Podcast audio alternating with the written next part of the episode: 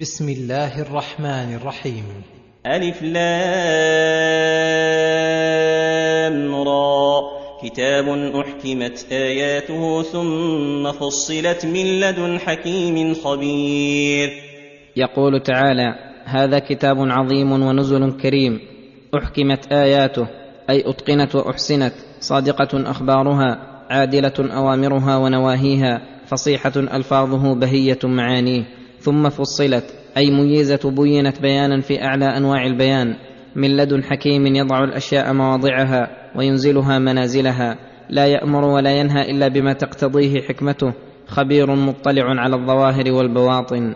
فإذا كان إحكامه وتفصيله من عند الله الحكيم الخبير فلا تسأل بعد هذا عن عظمته وجلالته واشتماله على كمال الحكمة وسعة الرحمة. ألا تعبدوا إلا الله إنني لكم منه نذير وبشير. وإنما أنزل الله كتابه لئلا تعبدوا إلا الله أي لأجل إخلاص الدين كله لله والا يشرك به أحد من خلقه. إنني لكم أيها الناس منه أي من الله ربكم نذير لمن تجرأ على المعاصي بعقاب الدنيا والآخرة وبشير للمطيعين لله بثواب الدنيا والآخرة. وأن استغفروا ربكم ثم توبوا إليه يمتعكم متاعا حسنا إلى أجل مسمى. ويؤت كل ذي فضل فضله وإن تولوا فإني أخاف عليكم فإني أخاف عليكم عذاب يوم كبير. وأن استغفروا ربكم عما صدر منكم من الذنوب ثم توبوا إليه فيما تستقبلون من اعماركم بالرجوع إليه بالإنابة والرجوع عما يكرهه الله إلى ما يحبه ويرضاه. ثم ذكر ما يترتب على الاستغفار والتوبة فقال يمتعكم متاعا حسنا أي يعطيكم من رزقه ما تتمتعون به وتنتفعون. إلى أجل مسمى أي إلى وقت وفاتكم ويؤتي منكم كل ذي فضل فضله. اي يعطي أهل الإحسان والبر من فضله وبره ما هو جزاء لإحسانهم من حصول ما يحبون ودفع ما يكرهون. وإن تولوا عما دعوتكم إليه بل أعرضتم عنه وربما كذبتم به فإني أخاف عليكم عذاب يوم كبير. وهو يوم القيامة الذي يجمع الله فيه الأولين والآخرين. إلى الله مرجعكم وهو على كل شيء قدير. فيجازيهم بأعمالهم إن خيرا فخير. وإن شرا فشر. وفي قوله وهو على كل شيء قدير كالدليل على إحياء الله الموتى فإنه قدير على كل شيء. ومن جملة الأشياء إحياء الموتى وقد أخبر بذلك وهو أصدق القائلين فيجب وقوع ذلك عقلا ونقلا. ألا إنهم يثنون صدورهم ليستخفوا منه؟ ألا حين يستغشون ثيابهم يعلم ما يسرون وما يعلنون؟ إنه عليم بذات الصدور. يخبر تعالى عن جهل المشركين وشدة ضلالهم أنهم يثنون صدورهم أي يميلونها ليستخفوا من الله فتقع صدورهم حاجبة لعلم الله بأحوالهم وبصره لهيئاتهم. قال الله تعالى مبينا خطأهم في هذا الظن ألا حين يستغشون ثيابهم أي يتغطون بها يعلمهم في تلك الحال التي هي من أخفى الأشياء بل يعلم ما يسرون من الأقوال والأفعال وما يعلنون منها بل ما هو أبلغ من ذلك وهو إنه عليم بذات الصدور أي بما فيها من الإرادات والوساوس والأفكار التي لم ينطقوا بها سرا ولا جهرا فكيف تخفى عليه حالكم؟ إذا ثنيتم صدوركم لتستخفوا منه. ويحتمل أن المعنى في هذا أن الله يذكر إعراض المكذبين للرسول الغافلين عن دعوته أنهم من شدة إعراضهم يثنون صدورهم أي يحدودبون حين يرون الرسول صلى الله عليه وسلم لئلا يراهم ويسمعهم دعوته ويعظهم بما ينفعهم. فهل فوق هذا الإعراض شيء؟ ثم توعدهم بعلمه تعالى بجميع أحوالهم وأنهم لا يخفون عليه وسيجازيهم بصنيعهم. وما من دابة في الأرض إلا على الله رزقها ويعلم مستقرها ومستودعها كل في كتاب مبين أي جميع ما دب على وجه الأرض من آدمي أو حيوان بري أو بحري فالله تعالى قد تكفل بأرزاقهم وأقواتهم فرزقها على الله ويعلم مستقرها ومستودعها اي يعلم مستقر هذه الدواب وهو المكان الذي تقيم فيه وتستقر فيه وتاوي اليه ومستودعها المكان الذي تنتقل اليه في ذهابها ومجيئها وعوارض احوالها كل من تفاصيل احوالها في كتاب مبين أي في اللوح المحفوظ المحتوي على جميع الحوادث الواقعة والتي تقع في السماوات والأرض. الجميع قد أحاط بها علم الله وجرى بها قلمه ونفذت فيها مشيئته ووسعها رزقه فلتطمئن القلوب إلى كفاية من تكفل بأرزاقها وأحاط علما بذواتها وصفاتها. وهو الذي خلق السماوات والأرض في ستة أيام وكان عرشه على الماء. وكان عرشه على الماء ليبلوكم أيكم أحسن عملا. ولئن قلت إنكم مبعوثون من بعد الموت ليقولن الذين كفروا ليقولن الذين كفروا إن هذا إلا سحر مبين. يخبر تعالى أنه خلق السماوات والأرض في ستة أيام أولها يوم الأحد وآخرها يوم الجمعة. وحين خلق السماوات والأرض كان عرشه على الماء فوق السماء السابعة. فبعد أن خلق السماوات والأرض استوى عليه يدبر الأمور ويصرفها كيف شاء من الأحكام القدرية والأحكام الشرعية. ولهذا قال ليبلوكم أيكم أحسن عملا أي ليمتحنكم إذ خلق لكم ما في السماوات والأرض بأمره ونهيه فينظر أيكم أحسن عملا. قال الفضيل بن عياض رحمه الله أخلصه وأصوبه. قيل يا أبا علي ما أخلصه وأصوبه؟ فقال إن العمل إذا كان خالصا ولم يكن صوابا لم يقبل وإذا كان صوابا ولم يكن خالصا لم يقبل حتى يكون خالصا صوابا. والخالص أن يكون لوجه الله والصواب أن يكون متبعا فيه الشرع والسنة. وهذا كما قال تعالى وما خلقت الجن والإنس إلا ليعبدون وقال الله تعالى الله الذي خلق سبع سماوات ومن الأرض مثلهن يتنزل الأمر بينهن لتعلموا أن الله على كل شيء قدير وأن الله قد أحاط بكل شيء علما. فالله تعالى خلق الخلق لعبادته ومعرفته بأسمائه وصفاته وأمرهم بذلك فمن انقاد وأدى ما أمر به فهو من المفلحين. ومن أعرض عن ذلك فأولئك هم الخاسرون. ولا بد أن يجمعهم في دار يجازيهم فيها على ما أمرهم به ونهاهم. ولهذا ذكر الله تكذيب المشركين بالجزاء فقال ولئن قلت إنكم مبعوثون من بعد الموت ليقولن الذين كفروا إن هذا إلا سحر مبين. أي ولئن قلت لهؤلاء وأخبرتهم بالبعث بعد الموت لم يصدقوك بل كذبوك أشد التكذيب وقدحوا فيما جئت به وقالوا إن هذا إلا سحر مبين ألا وهو الحق المبين. ولئن أخرنا عنهم العذاب إلى أمة معدودة ليقولن ما يحبسه. ألا يوم يأتيهم ليس مصروفا عنهم وحاق بهم ما كانوا به يستهزئون. ولئن أخرنا عنهم العذاب إلى أمة معدودة أي إلى وقت مقدر فتباطؤوه. لقالوا من جهلهم وظلمهم ما يحبسه ومضمون هذا تكذيبهم به. فإنهم يستدلون بعدم وقوعه بهم عاجلا على كذب الرسول المخبر بوقوع العذاب فما أبعد هذا الاستدلال. ألا يوم يأتيهم العذاب؟ ليس مصروفا عنهم فيتمكنون من النظر في أمرهم. وحاق بهم أي نزل ما كانوا به يستهزئون من العذاب حيث تهاونوا به حتى جزموا بكذب من جاء به.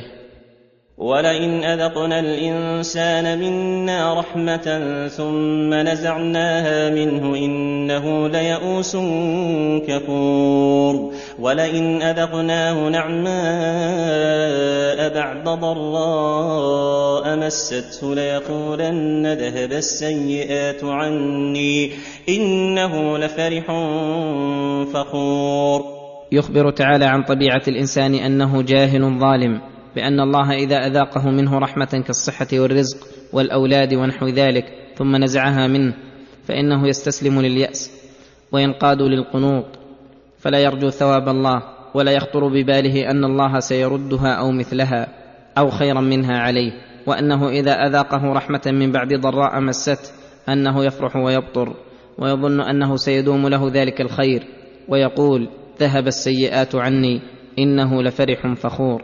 أي فرح بما أوتي مما يوافق هوى نفسه فخور بنعم الله على عباد الله وذلك يحمله على الأشر والبطر والإعجاب بالنفس والتكبر على الخلق واحتقارهم وازدرائهم وأي عيب أشد من هذا؟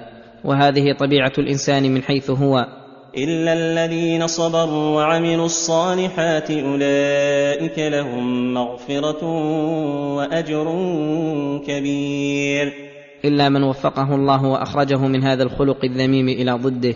وهم الذين صبروا أنفسهم عند الضراء فلم ييأسوا وعند السراء فلم يبطروا وعملوا الصالحات من واجبات ومستحبات. أولئك لهم مغفرة لذنوبهم يزول بها عنهم كل محذور وأجر كبير وهو الفوز بجنات النعيم التي فيها ما تشتهيه الأنفس وتلذ الأعين. فلعلك تارك بعض ما يوحى إليك وضائق به صدرك أن يقولوا لولا أنزل عليه كنز أو جاء معه ملك إنما أنت نذير والله على كل شيء وكيل.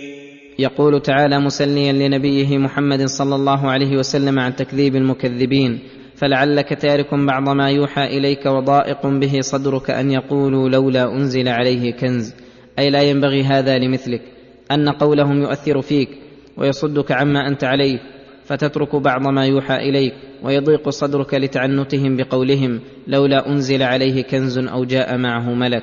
فإن هذا القول ناشئ من تعنت وظلم وعناد وضلال وجهل بمواقع الحجج والأدلة. فامض على أمرك. ولا تصدك هذه الأقوال الركيكة التي لا تصدر إلا من سفيه ولا يضق لذلك صدرك. فهل اوردوا عليك حجة لا تستطيع حلها؟ أم قدحوا ببعض ما جئت به قدحا يؤثر فيه وينقص قدره فيضيق صدرك لذلك؟ أم عليك حسابهم ومطالب بهدايتهم جبرا؟ إنما أنت نذير والله على كل شيء وكيل. فهو الوكيل عليهم يحفظ أعمالهم ويجازيهم بها أتم الجزاء. أم يقولون افتراه قل فأتوا بعشر سور مثله مفتريات وادعوا من استطعتم من دون الله إن كنتم صادقين ام يقولون افتراه اي افترى محمد هذا القران فاجابهم بقوله قل لهم فاتوا بعشر سور مثله مفتريات وادعوا من استطعتم من دون الله ان كنتم صادقين انه قد افتراه فإنه لا فرق بينكم وبينه في الفصاحة والبلاغة وأنتم الأعداء حقا الحريصون بغاية ما يمكنكم على إبطال دعوته فإن كنتم صادقين فأتوا بعشر سور مثله مفتريات. فإن لم يستجيبوا لكم فاعلموا أنما أنزل بعلم الله وأن لا إله إلا هو فهل أنتم مسلمون؟ فإن لم يستجيبوا لكم على شيء من ذلكم فاعلموا أن ما أنزل بعلم الله من عند الله لقيام الدليل والمقتضي وانتفاء المعارض. وأن لا إله إلا هو أي واعلموا أنه لا إله إلا هو أي هو وحده المستحق للألوهية والعبادة. فهل أنتم مسلمون؟ أي منقادون لألوهيته؟ مستسلمون لعبوديته؟ وفي هذه الآيات إرشاد إلى أنه لا ينبغي للداعي إلى الله أن يصده اعتراض المعترضين ولا قدح القادحين. خصوصا إذا كان القدح لا مستند له ولا يقدح فيما دعا إليه وأنه لا يضيق صدره بل يطمئن بذلك ماضيا على أمره مقبلا على شأنه وأنه لا يجب إجابة اقتراحات المقترحين للأدلة التي يختارونها بل يكفي إقامة الدليل السالم عن المعارض على جميع المسائل والمطالب وفيها أن هذا القرآن معجز بنفسه لا يقدر أحد من البشر أن يأتي بمثله ولا بعشر سور من مثله بل ولا بسورة من مثله. لأن الأعداء البلغاء الفصحاء تحداهم الله بذلك فلم يعارضوه لعلمهم أنهم لا قدرة فيهم على ذلك وفيها أن مما يطلب فيه العلم ولا يكفي غلبة الظن علم القرآن وعلم التوحيد لقوله تعالى فاعلموا أنما أنزل بعلم الله وأن لا إله إلا هو. من كان يريد الحياة الدنيا وزينتها نوف إليهم أعمالهم فيها وهم فيها لا يبخسون.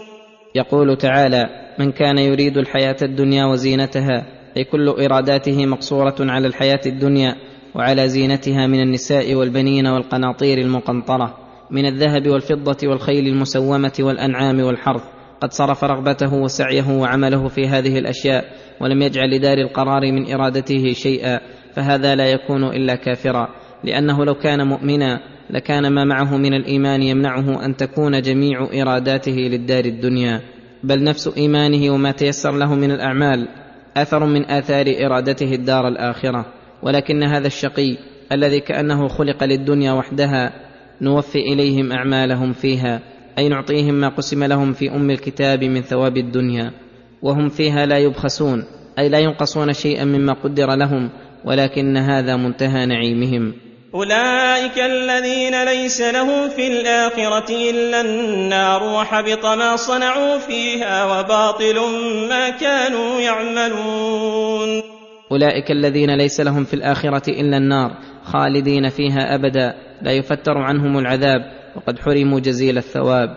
وحبط ما صنعوا فيها أي في الدنيا أي بطل واضمحل ما عملوه مما يكيدون به الحق وأهله وما عملوه من أعمال الخير التي لا أساس لها ولا وجود لشرطها وهو الإيمان.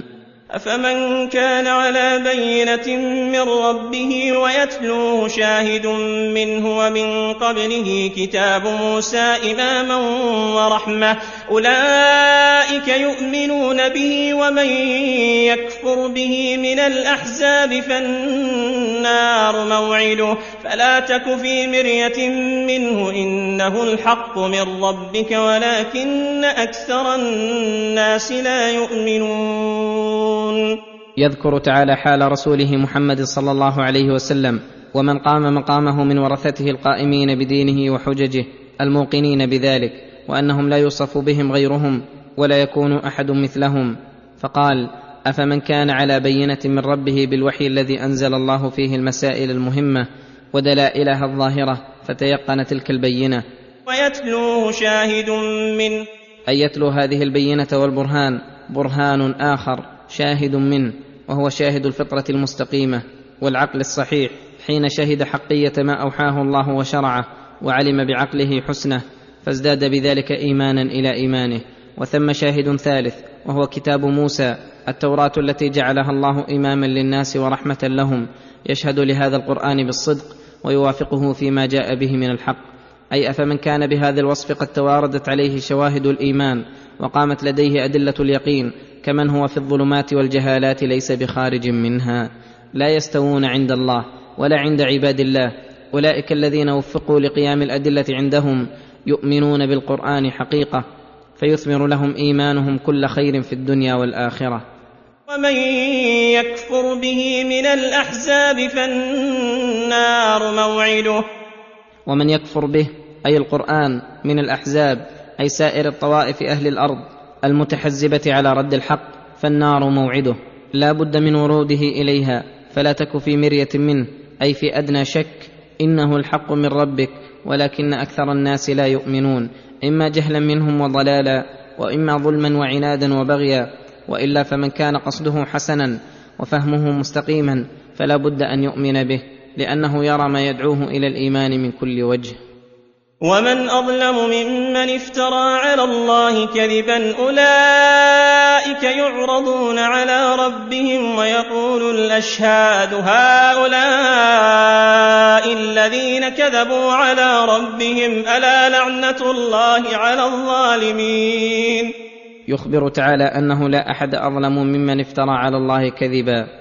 ويدخل في هذا كل من كذب على الله بنسبة الشريك له أو وصفه بما لا يليق بجلاله أو الإخبار عنه بما لم يقل أو ادعاء النبوة أو غير ذلك من الكذب على الله فهؤلاء أعظم الناس ظلما.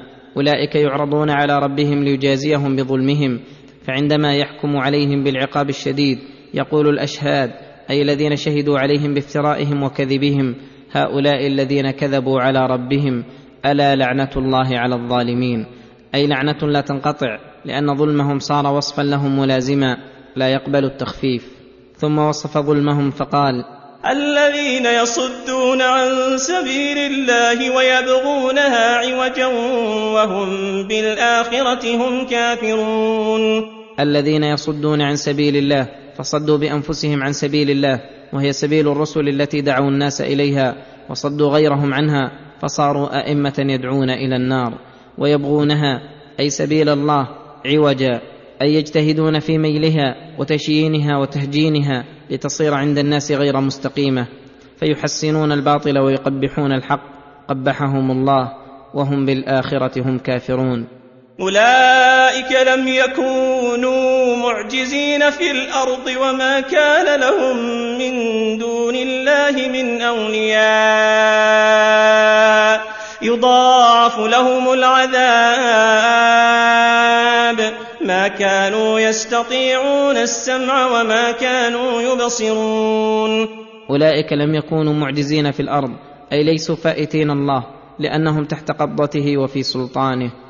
وما كان لهم من دون الله من اولياء فيدفعون عنهم المكروه أو يحصلون لهم ما ينفعهم بل تقطعت بهم الاسباب يضاعف لهم العذاب اي يغلظ ويزاد لانهم ضلوا بانفسهم واضلوا غيرهم ما كانوا يستطيعون السمع اي من بغضهم للحق ونفورهم عنه ما كانوا يستطيعون ان يسمعوا ايات الله سماعا ينتفعون به فما لهم عن التذكره معرضين كانهم حمر مستنفره فرت من قسورة وما كانوا يبصرون أي ينظرون نظر عبرة وتفكر فيما ينفعهم وإنما هم كالصم البكم الذين لا يعقلون.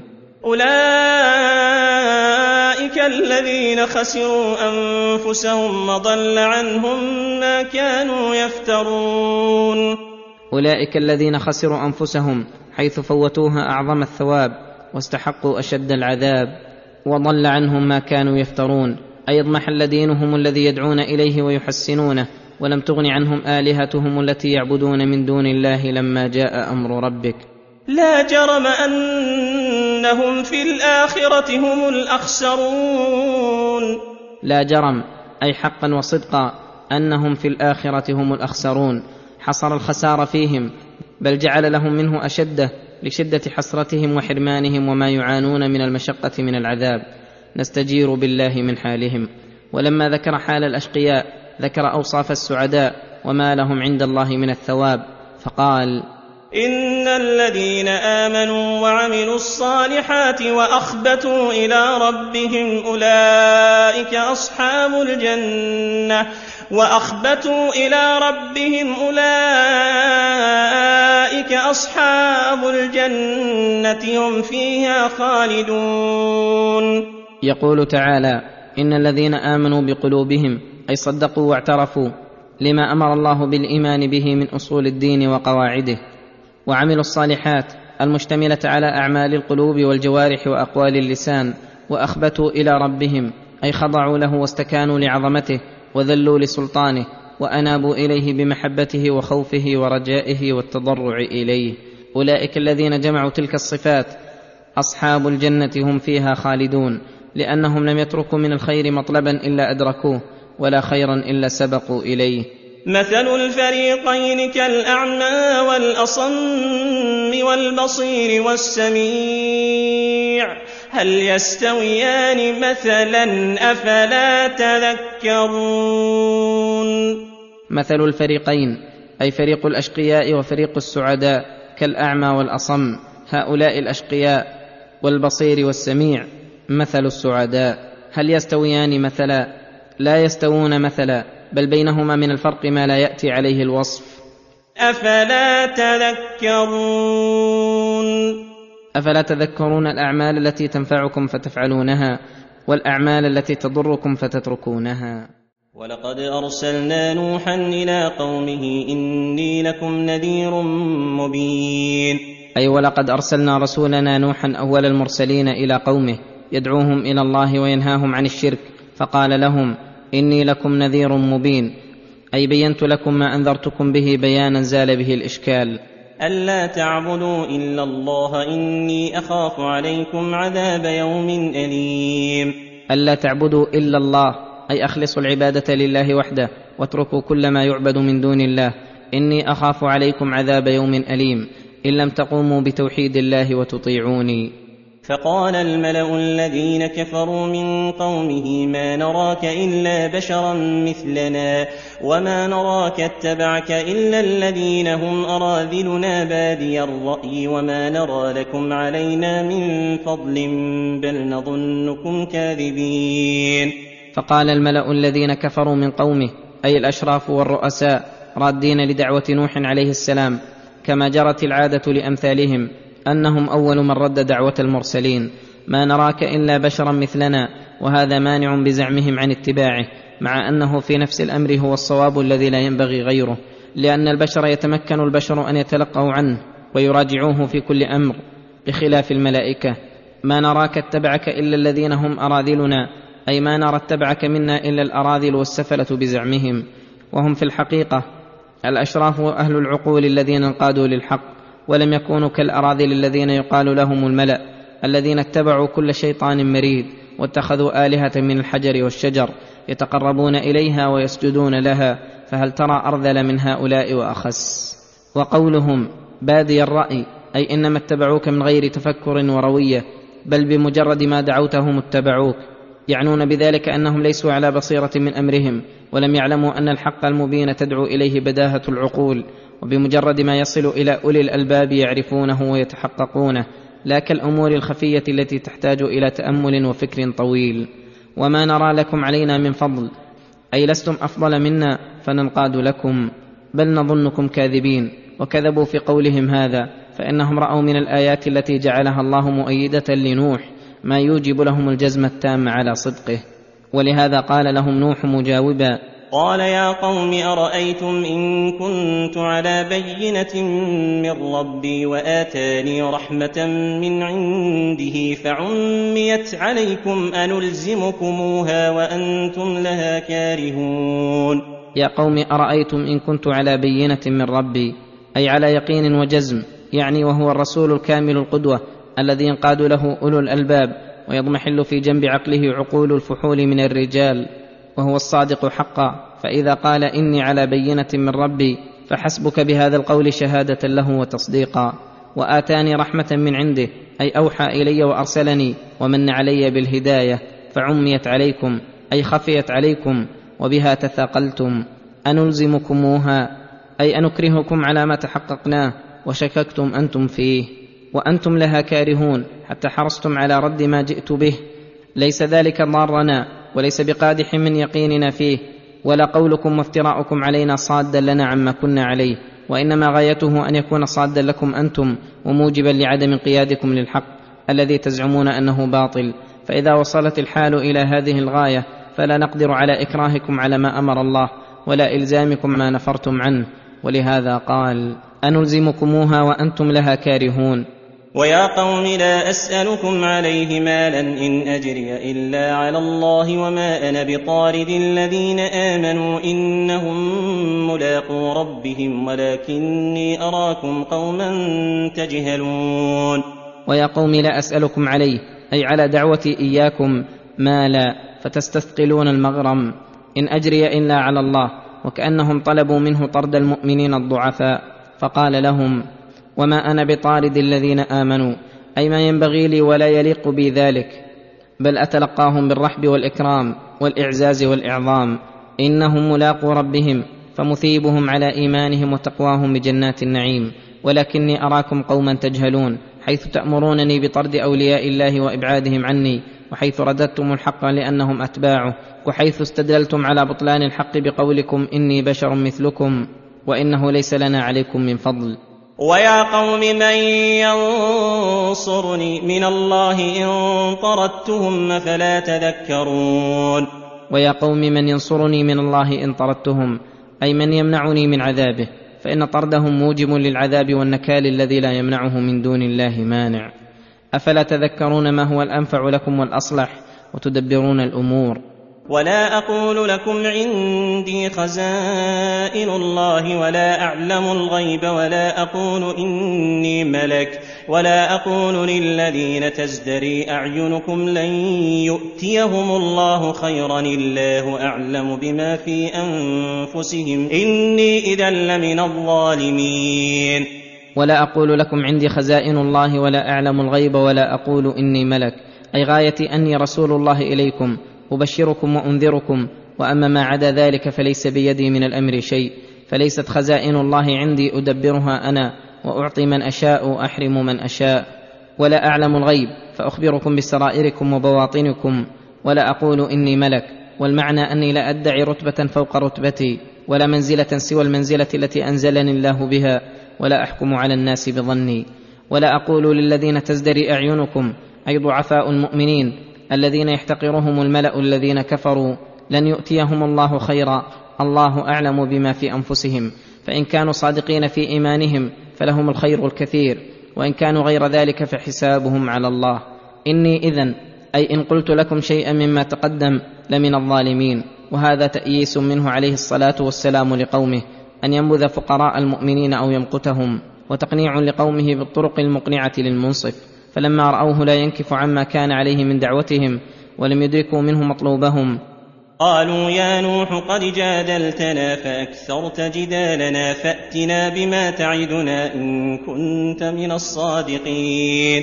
قالوا يا نوح قد جادلتنا فأكثرت جدالنا فأتنا بما تعدنا من العذاب إن كنت من الصادقين. فما أجهلهم وأضلهم حيث قالوا هذه المقالة لنبيهم الناصح. فهلا قالوا إن كانوا صادقين يا نوح قد نصحتنا وأشفقت علينا ودعوتنا إلى أمر لم يتبين لنا فنريد منك أن تبينه لنا لننقاد لك وإلا فأنت مشكور في نصحك لكان هذا الجواب المنصف الذي قد دعي إلى أمر خفي عليه ولكنهم في قولهم كاذبون وعلى نبيهم متجرئون ولم يردوا ما قاله بأدنى شبهة فضلا عن أن يردوه بحجة ولهذا عدلوا من جهلهم وظلمهم إلى الاستعجال بالعذاب وتعجيز الله. ولهذا أجابهم نوح عليه السلام بقوله قال إنما يأتيكم به الله إن شاء وما أنتم بمعجزين. إنما يأتيكم به الله إن شاء أي إن اقتضت مشيئته وحكمته أن ينزله بكم فعل ذلك وما أنتم بمعجزين لله وأنا ليس بيدي من الأمر شيء. ولا ينفعكم نصحي ان اردت ان انصح لكم ان كان الله يريد ان يغويكم هو ربكم واليه ترجعون ولا ينفعكم نصحي ان اردت ان انصح لكم ان كان الله يريد ان يغويكم اي ان اراده الله غالبه فانه اذا اراد ان يغويكم لردكم الحق فلو حرصت غايه مجهودي ونصحت لكم اتم النصح وهو قد فعل عليه السلام فليس ذلك بنافع لكم شيئا.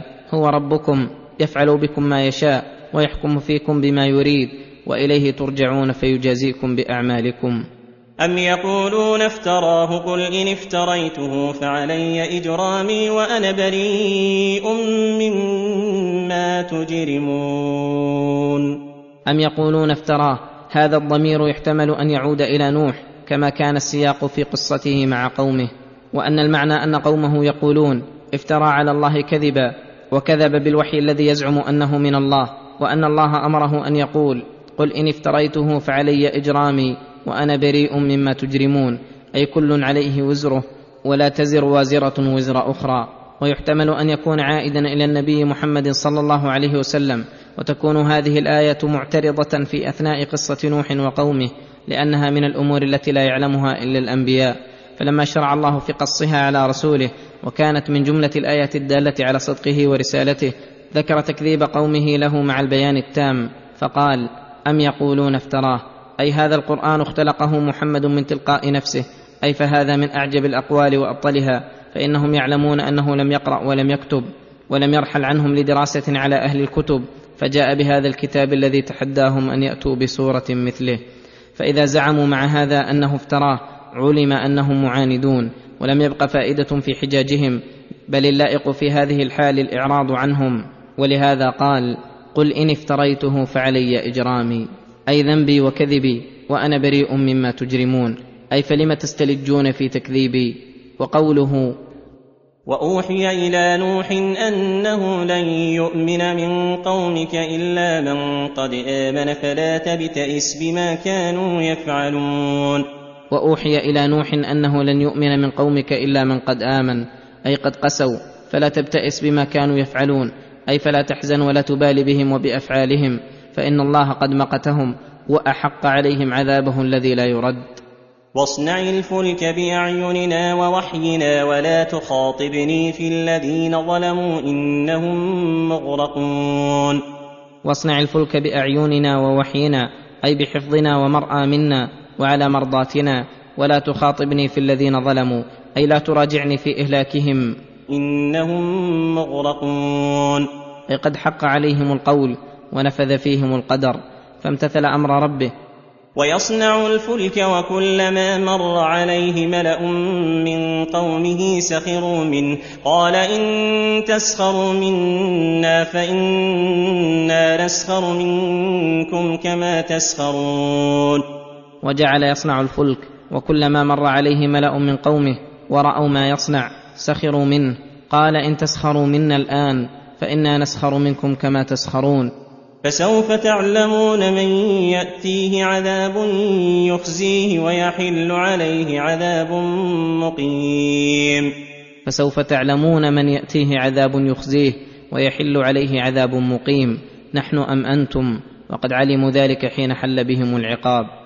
حتى إذا جاء أمرنا وفارت النور قل نحمل فيها من كل زوجين اثنين وأهلك قل نحمل فيها من كل زوجين اثنين وأهلك إلا من سبق عليه القول ومن آمن ومن آمن وما آمن معه إلا قليل. حتى إذا جاء أمرنا أي قدرنا بوقت نزول العذاب بهم وفار التنور أي أنزل الله السماء بالماء المنهمر وفجر الأرض كلها عيونا حتى التنانير التي هي محل النار في العادة وأبعد ما يكون عن الماء تفجرت فالتقى الماء على أمر قد قدر. قلنا لنوح احمل فيها من كل زوجين اثنين أي من كل صنف من أصناف المخلوقات ذكر وأنثى لتبقى مادة سائر الأجناس. وأما بقية الأصناف الزائدة عن الزوجين فلأن السفينة لا تطيق حملها وأهلك إلا من سبق عليه القول ممن كان كافرا كابنه الذي غرق ومن آمن والحال أنه ما آمن معه إلا قليل. وقال اركبوا فيها بسم الله مجريها ومرساها إن ربي لغفور رحيم. وقال نوح لمن أمره الله أن يحملهم اركبوا فيها بسم الله مجريها ومرساها أي تجري على اسم الله وترسو على اسم الله وتجري بتسخيره وأمره. إن ربي لغفور رحيم حيث غفر لنا ورحمنا ونجانا من القوم الظالمين. ثم وصف جريانها كأننا نشاهدها فقال وهي تجري بهم في موج كالجبال ونادى نوح ابنه وكان في معزل يا بني اركم معنا يا بني اركم معنا ولا تكن مع الكافرين. وهي تجري بهم أي بنوح ومن ركب معه في موج كالجبال والله حافظها وحافظ أهلها. ونادى نوح ابنه لما ركب ليركب معه وكان ابنه في معزل عنهم حين ركبوا أي مبتعدا وأراد منه أن يقرب ليركب فقال له يا بني اركب معنا ولا تكن مع الكافرين فيصيبك ما يصيبهم. فقال ابنه مكذبا لأبيه أنه لا ينجو إلا من ركب معه السفينة. قال سآوي إلى جبل يعصمني من الماء. قال لا عاصم اليوم من أمر الله إلا من رحم. وحال بينهما الموج فكان من المغرقين. سآوي إلى جبل يعصمني من الماء. أي سأرتقي جبلا أمتنع به من الماء. فقال نوح لا عاصم اليوم من أمر الله إلا من رحم فلا يعصم أحدا جبل ولا غيره. ولو تسبب بغاية ما يمكنه من الأسباب لما نجا إن لم ينجه الله. وحال بينهما الموج فكان الإبن من المغرقين. فلما أغرقهم الله ونجى نوحا ومن معه. وقيل يا أرض ابلعي ماءك ويا سماء أقلعي وغيض الماء. وغيض الماء وقضي الأمر واستوت على الجودي وقيل بعدا للقوم الظالمين. وقيل يا أرض ابلعي ماءك الذي خرج منك والذي نزل إليك أي ابلعي الماء الذي على وجهك ويا سماء أقلعي فامتثلتا لأمر الله فابتلعت الأرض ماءها وأقلعت السماء فنضم الماء من الأرض. وقضي الأمر بهلاك المكذبين ونجاة المؤمنين واستوت السفينة على الجودي أي أرست على ذلك الجبل المعروف في أرض الموصل وقيل بعدا للقوم الظالمين أي أتبعوا بعد هلاكهم لعنة وبعدا وسحقا لا يزال معهم. ونادى نوح ربه فقال رب إن ابني من أهلي وإن وعدك الحق وأنت أحكم الحاكمين. ونادى نوح ربه فقال رب إن ابني من أهلي وإن وعدك الحق أي وقد قلت لي فاحمل فيها من كل زوجين اثنين وأهلك ولن تخلف ما وعدتني به. لعله عليه الصلاة والسلام حملته الشفقة وأن الله وعده بنجاة أهله ظن أن الوعد لعمومهم من آمن ومن لم يؤمن فلذلك دعا ربه بذلك الدعاء ومع هذا ففوض الأمر لحكمة الله البالغة. فقال الله له قال يا نوح إنه ليس من أهلك إنه عمل غير صالح فلا تسأل لما ليس لك به علم إني أعظك أن تكون من الجاهلين. إنه ليس من أهلك الذين وعدتك بإنجائهم إنه عمل غير صالح. أي هذا الدعاء الذي دعوت به لنجاة كافر لا يؤمن بالله ولا رسوله. فلا تسألني ما ليس لك به علم أي ما لا تعلم عاقبته ومآله وهل يكون خيرا أو غير خير. إني أعظك أن تكون من الجاهلين أي إني أعظك وعظا تكون به من الكاملين وتنجو به من صفات الجاهلين. فحينئذ ندم نوح عليه السلام ندامة شديدة على ما صدر منه. قال رب أعوذ بك أن أسألك ما ليس لي به علم وإلا تغفر لي وترحمني أكن من الخاسرين. وقال رب إني أعوذ بك أن أسألك ما ليس لي به علم وإلا تغفر لي وترحمني أكن من الخاسرين. فبالمغفرة والرحمة ينجو العبد من أن يكون من الخاسرين. ودل هذا على أن نوحا عليه السلام لم يكن عنده علم بأن سؤاله لربه في نجاة ابنه محرم. داخل في قوله ولا تخاطبني في الذين ظلموا إنهم مغرقون بل تعارض عنده الأمران وظن دخوله في قوله وأهلك وبعد ذلك تبين له أنه داخل في المنهي عن الدعاء لهم والمراجعة فيهم. قيل يا نوح اهبط بسلام منا وبركات عليك وعلى أمم ممن معك وأمم سنمتعهم ثم يمسهم منا عذاب أليم. قيل يا نوح اهبط بسلام منا وبركات عليك وعلى أمم ممن معك من الآدميين وغيرهم من الأزواج التي حملها معه فبارك الله في الجميع حتى ملأوا أقطار الأرض ونواحيها. وأمم سنمتعهم في الدنيا ثم يمسهم منا عذاب أليم. أي هذا الإنجاء ليس بمانع لنا من أن من كفر بعد ذلك أحللنا به العقاب. وإن متعوا قليلا فسيؤخذون بعد ذلك. قال الله لنبيه محمد صلى الله عليه وسلم بعدما قص عليه هذه القصة المبسوطة التي لا يعلمها إلا من من عليه برسالته. تلك من أنباء الغيب نوحيها إليك ما كنت تعلمها أنت ولا قومك من قبل هذا فاصبر إن العاقبة للمتقين. تلك من أنباء الغيب نوحيها إليك ما كنت تعلمها أنت ولا قومك من قبل هذا فيقول إنه كان يعلمها. فاحمد الله واشكره. واصبر على ما أنت عليه من الدين القويم والصراط المستقيم والدعوة إلى الله. إن العاقبة للمتقين الذين يتقون الشرك وسائر المعاصي فستكون لك العاقبة على قومك كما كانت لنوح على قومه. وإلى عاد أخاهم هودا قال يا قوم اعبدوا الله ما لكم من إله غيره إن أنتم إلا مفترون. أي وأرسلنا إلى عاد وهم القبيلة المعروفة في الأحقاف من أرض اليمن أخاهم في النسب هودا ليتمكنوا من الأخذ عنه والعلم بصدقه. فقال لهم يا قوم اعبدوا الله ما لكم من إله غيره إن أنتم إلا مفترون.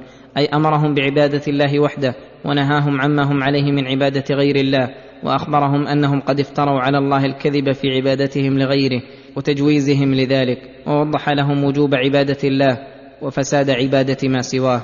ثم ذكر عدم المانع لهم من الانقياد فقال يا قوم لا أسألكم عليه أجرا إن أجري إلا على الذي فطرني أفلا تعقلون يا قوم لا اسالكم عليه اجرا أي غرامة من أموالكم على ما دعوتكم إليه فتقولوا هذا يريد أن يأخذ أموالنا وإنما أدعوكم وأعلمكم مجانا إن أجري إلا على الذي فطرني أفلا تعقلون ما أدعوكم إليه وأنه موجب لقبوله منتف المانع عن رده ويا قوم استغفروا ربكم ثم توبوا إليه يرسل السماء عليكم مدرارا ويزدكم قوة إلى قوتكم ولا تتولوا مجرمين.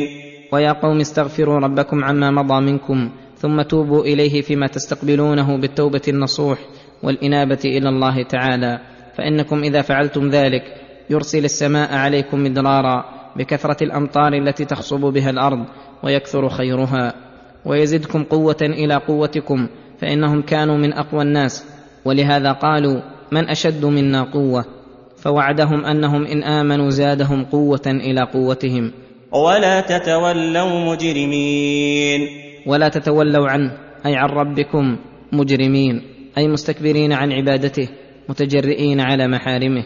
فقالوا رادين لقوله قالوا يا هود ما جئتنا ببينة وما نحن بتاركي آلهتنا عن قولك وما نحن لك بمؤمنين. يا هود ما جئتنا ببينة. إن كان قصدهم بالبينة البينة التي يقترحونها فهذه غير لازمة للحق بل اللازم أن يأتي النبي بآية تدل على صحة ما جاء به. وإن كان قصدهم أنه لم يأتهم ببينة تشهد لما قاله بالصحة فقد كذبوا في ذلك. فإنه ما جاء نبي لقومه إلا وبعث الله على يديه من الآيات ما يؤمن على مثله البشر ولو لم يكن له آية إلا دعوته إياهم لإخلاص الدين لله وحده لا شريك له والأمر بكل عمل صالح وخلق جميل والنهي عن كل خلق ذميم من الشرك بالله والفواحش والظلم وأنواع المنكرات مع ما هو مشتمل عليه هود عليه السلام من الصفات التي لا تكون إلا لخيار الخلق وأصدقهم. لكفى بها ايات وادله على صدقه. بل أهل العقول وأولو الألباب يرون أن هذه الآية أكبر من مجرد الخوارق التي يراها بعض الناس.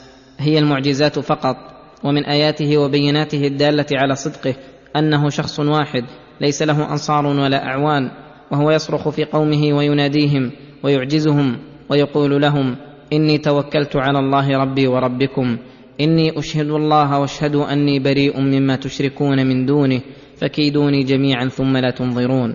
وهم الأعداء الذين لهم السطوة والغلبة ويريدون إطفاء ما معه من النور بأي طريق كان وهو غير مكترث بهم ولا مبال بهم وهم عاجزون لا يقدرون أن ينالوه بشيء من السوء. إن في ذلك لآيات لقوم يعقلون. وقولهم وما نحن بتارك آلهتنا عن قولك أي لا نترك عبادة آلهتنا لمجرد قولك الذي ما أقمت عليه بينة بزعمهم. وما نحن لك بمؤمنين وهذا تأييس منهم لنبيهم هود عليه السلام في إيمانهم وأنهم لا يزالون في كفرهم يعمهون إن نقول إلا اعتراك بعض آلهتنا بسوء قال إني أشهد الله واشهدوا أني بريء مما تشركون من دونه فكيدوني جميعا ثم لا تنظرون إن نقول فيك إلا اعتراك بعض آلهتنا بسوء أي أصابتك بخبال وجنون فصرت تهذي بما لا يعقل. فسبحان من طبع على قلوب الظالمين. كيف جعلوا أصدق الخلق الذي جاء بأحق الحق؟ بهذه المرتبة التي يستحي العاقل من حكايتها عنهم لولا أن الله حكاها عنهم. ولهذا بين هود عليه الصلاة والسلام أنه واثق غاية الوثوق أنه لا يصيبه منهم ولا من آلهتهم أذى. فقال إني أشهد الله واشهدوا أني بريء مما تشركون من دونه فكيدوني جميعا. أي اطلبوا لي الضرر كلكم بكل طريق تتمكنون بها مني ثم لا تنظرون أي لا تمهلوني. إني توكلت على الله ربي وربكم ما من دابة إلا هو آخذ بناصيتها. إن ربي على صراط مستقيم. إني توكلت على الله أي اعتمدت في أمري كله على الله ربي وربكم أي هو خالق الجميع ومدبرنا وإياكم وهو الذي ربانا. ما من دابة إلا هو آخذ بناصيتها فلا تتحركوا ولا تسكنوا إلا بإذنه. فلو اجتمعتم جميعا على الإيقاع بي والله لم يسلطكم علي لم تقدروا على ذلك فإن سلطكم فلحكمة أرادها. فإن ربي على صراط مستقيم أي على عدل وقسط وحكمة وحمد في قضائه وقدره في شرعه وأمره وفي جزائه وثوابه وعقابه. لا تخرج أفعاله عن الصراط المستقيم التي يحمد ويثنى عليه بها. فإن تولوا فقد أبلغتكم ما أرسلت به إليكم ويستخلف ربي قوما غيركم ولا تضرونه شيئا إن ربي على كل شيء حفيظ. فإن تولوا عما دعوتكم إليه فقد أبلغتكم ما أرسلت به إليكم فلم يبق علي تبعة من شأنكم. ويستخلف ربي قوما غيركم يقومون بعبادته ولا يشركون به شيئا ولا تضرونه شيئا فإن ضرركم إنما يعود عليكم فالله لا تضره معصية العاصين ولا تنفعه طاعة المطيعين من عمل صالحا فلنفسه ومن أساء فعليها. إن ربي على كل شيء حفيظ. ولما جاء أمرنا نجينا هودا والذين آمنوا معه برحمة منا ونجيناهم من عذاب غليظ. ولما جاء أمرنا أي عذابنا بإرسال الريح العقيم التي ما تذر من شيء أتت عليه إلا جعلته كالرميم. نجينا هودا والذين آمنوا معه برحمة منا ونجيناهم من عذاب غليظ أي عظيم شديد. أحله الله بعاد فأصبحوا لا يرى إلا مساكنهم. وتلك عاد جحدوا بآيات ربهم وعصوا رسله واتبعوا أمر كل جبار عنيد. وتلك عاد الذين أوقع الله بهم ما أوقع بظلم منهم لأنهم جحدوا بآيات ربهم ولهذا قالوا لهود ما جئتنا ببينة فتبين بهذا أنهم متيقنون لدعوته وإنما عاندوا وجحدوا وعصوا رسله لأن من عصى رسولا فقد عصى جميع المرسلين لأن دعوتهم واحدة واتبعوا أمر كل جبار أي متسلط على عباد الله بالجبروت عنيد أي معاند لآيات الله فعصوا كل ناصح ومشفق عليهم واتبعوا كل غاش لهم يريد إهلاكهم. لا جرم أهلكهم الله. وأتبعوا في هذه الدنيا لعنة ويوم القيامة. ألا إن عادا كفروا ربهم الا بعدا لعاد قوم هود. وأتبعوا في هذه الدنيا لعنة فكل وقت وجيل إلا ولأنبائهم القبيحة وأخبارهم الشنيعة ذكر يذكرون به. وذم يلحقهم ويوم القيامة لهم أيضا لعنة. ألا إن عادا كفروا ربهم أي جحدوا من خلقهم ورزقهم ورباهم. ألا بعدا لعاد قوم هود أي أبعدهم الله عن كل خير وقربهم من كل شر. وإلى ثمود أخاهم صالحا قال يا قوم اعبدوا الله ما لكم من إله غيره. هو أنشأكم من الأرض واستعمركم فيها فاستغفروه ثم توبوا إليه إن ربي قريب مجيب. أي وأرسلنا إلى ثمود وهم عاد الثانية المعروفون الذين يسكنون الحجر ووادي القرى. أخاهم في النسب صالحا عبد الله ورسوله صلى الله عليه وسلم يدعوهم إلى عبادة الله وحده. فقال يا قوم اعبدوا الله أي وحدوه وأخلصوا له الدين. ما لكم من إله غيره لا من أهل السماء ولا من أهل الأرض. هو أنشأكم من الأرض أي خلقكم فيها واستعمركم فيها أي استخلفكم فيها وأنعم عليكم بالنعم الظاهرة والباطنة. ومكنكم في الأرض تبنون وتغرسون وتزرعون وتحرثون ما شئتم وتنتفعون بمنافعها وتستغلون مصالحها. فكما أنه لا شرك له في جميع ذلك فلا تشركوا به في عبادته.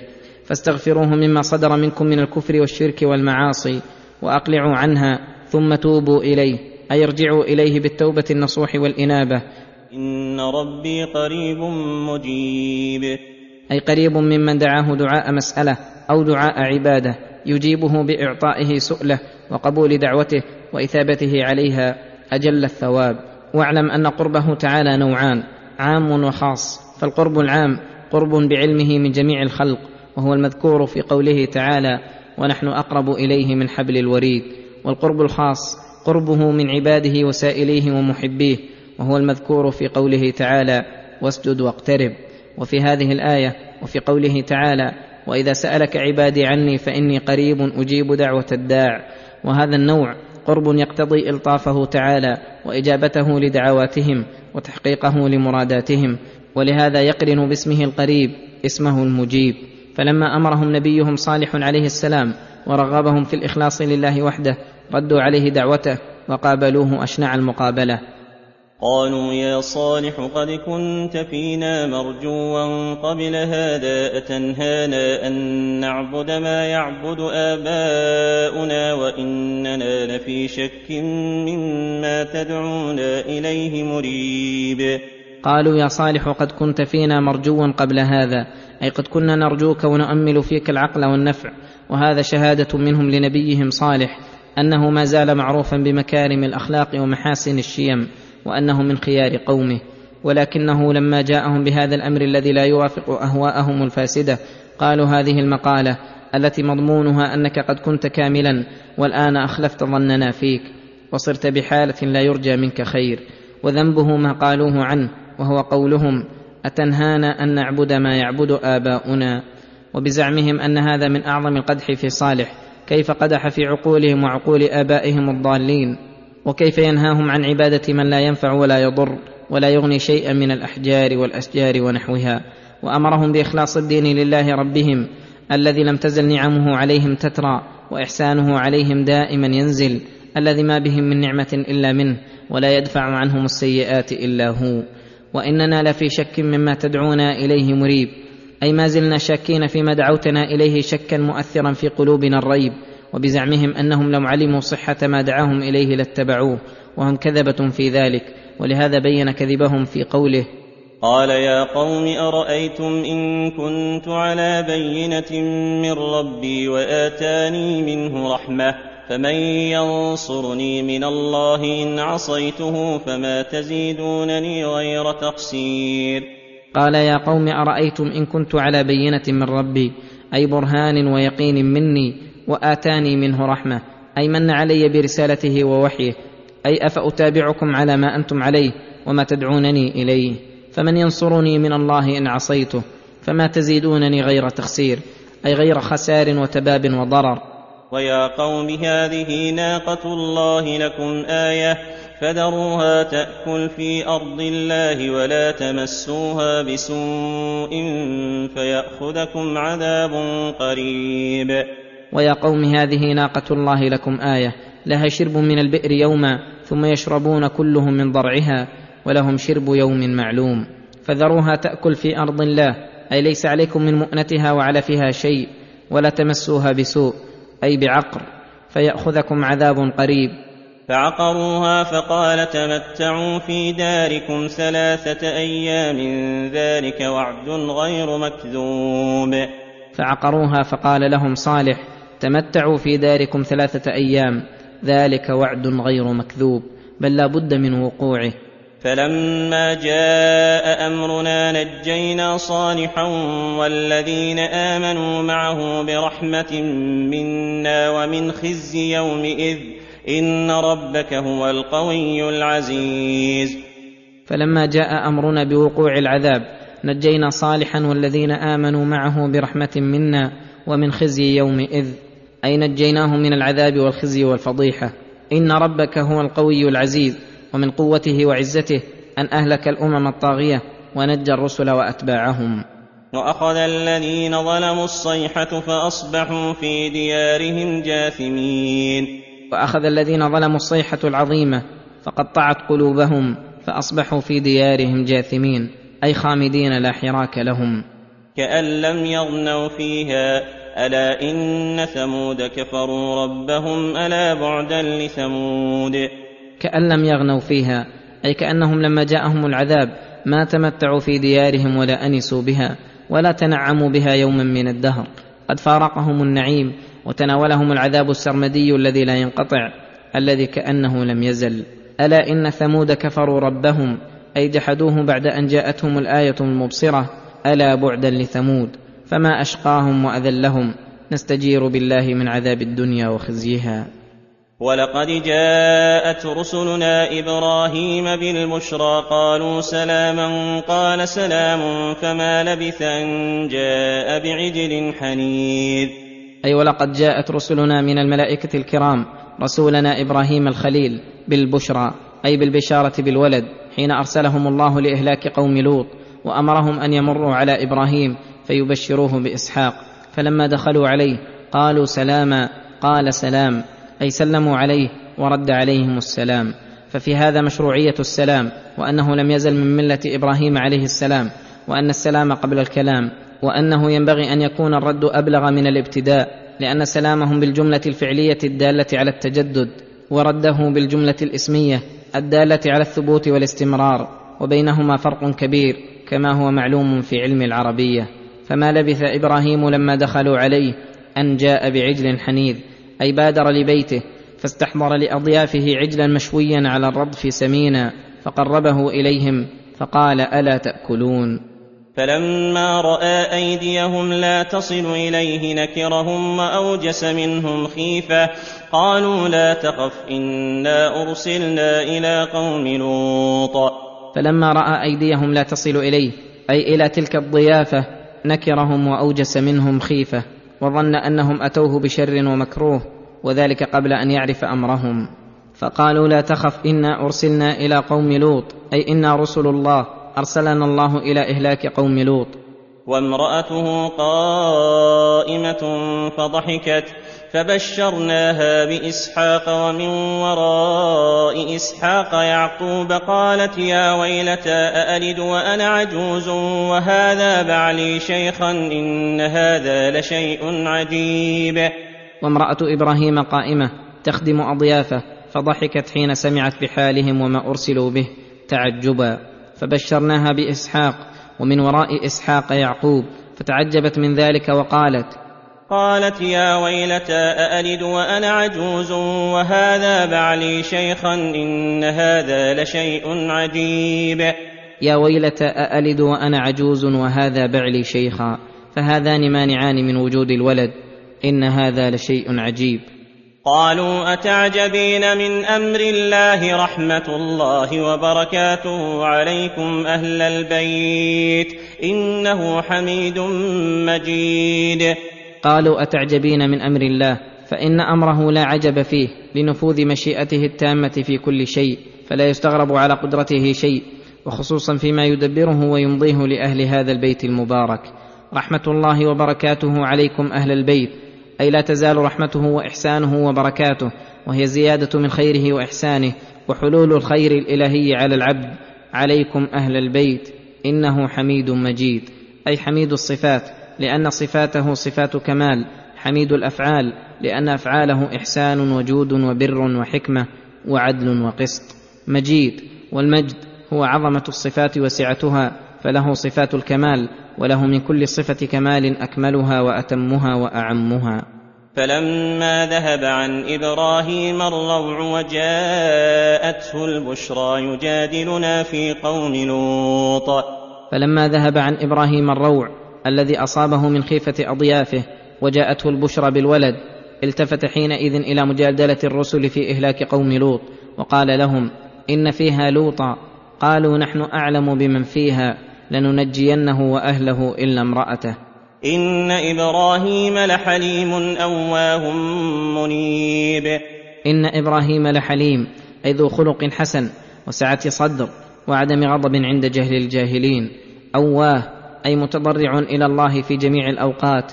منيب أي رجاع إلى الله بمعرفته ومحبته والإقبال عليه والإعراض عمن سواه. فلذلك كان يجادل عمن حتم الله بهلاكهم. فقيل له يا إبراهيم أعرض عن هذا إنه قد جاء أمر ربك وإنهم آتيهم عذاب غير مردود. يا إبراهيم أعرض عن هذا الجدال إنه قد جاء أمر ربك بهلاكهم وإنهم آتيهم عذاب غير مردود فلا فائدة في جدالك. ولما جاءت رسلنا لوطا سيء بهم وضاق بهم ذرعا وقال هذا يوم عصيب. ولما جاءت رسلنا أي الملائكة الذين صدروا من إبراهيم لما أتوا لوطا سيء بهم أي شق عليه مجيئهم وضاق بهم ذرعا وقال هذا يوم عصيب أي شديد حرج لأنه علم أن قومه لا يتركونهم لأنهم في صور شباب جرد مرد. في غاية الكمال والجمال ولهذا وقع ما خطر بباله.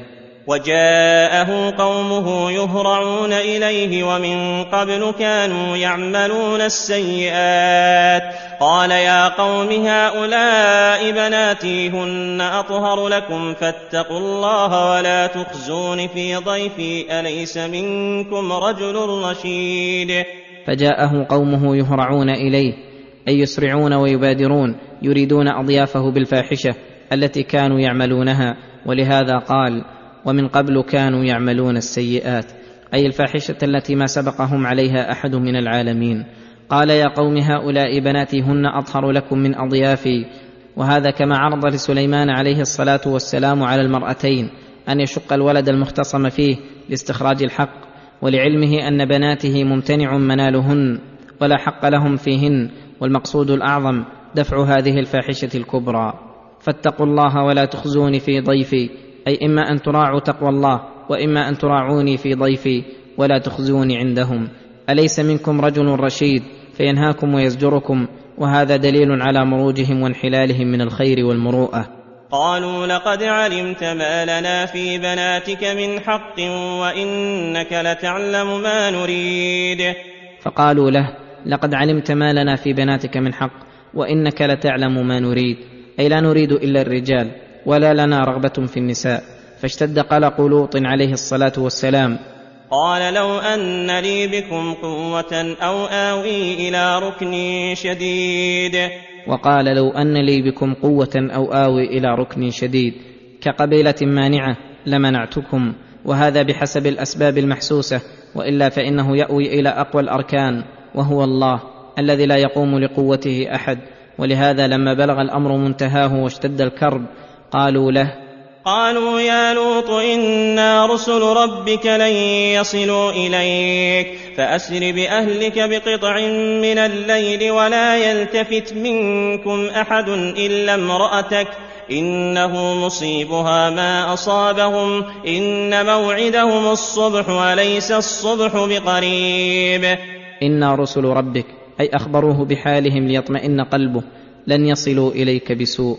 ثم قال جبريل بجناحه فطمس أعينهم فانطلقوا يتوعدون لوطا بمجيء الصبح.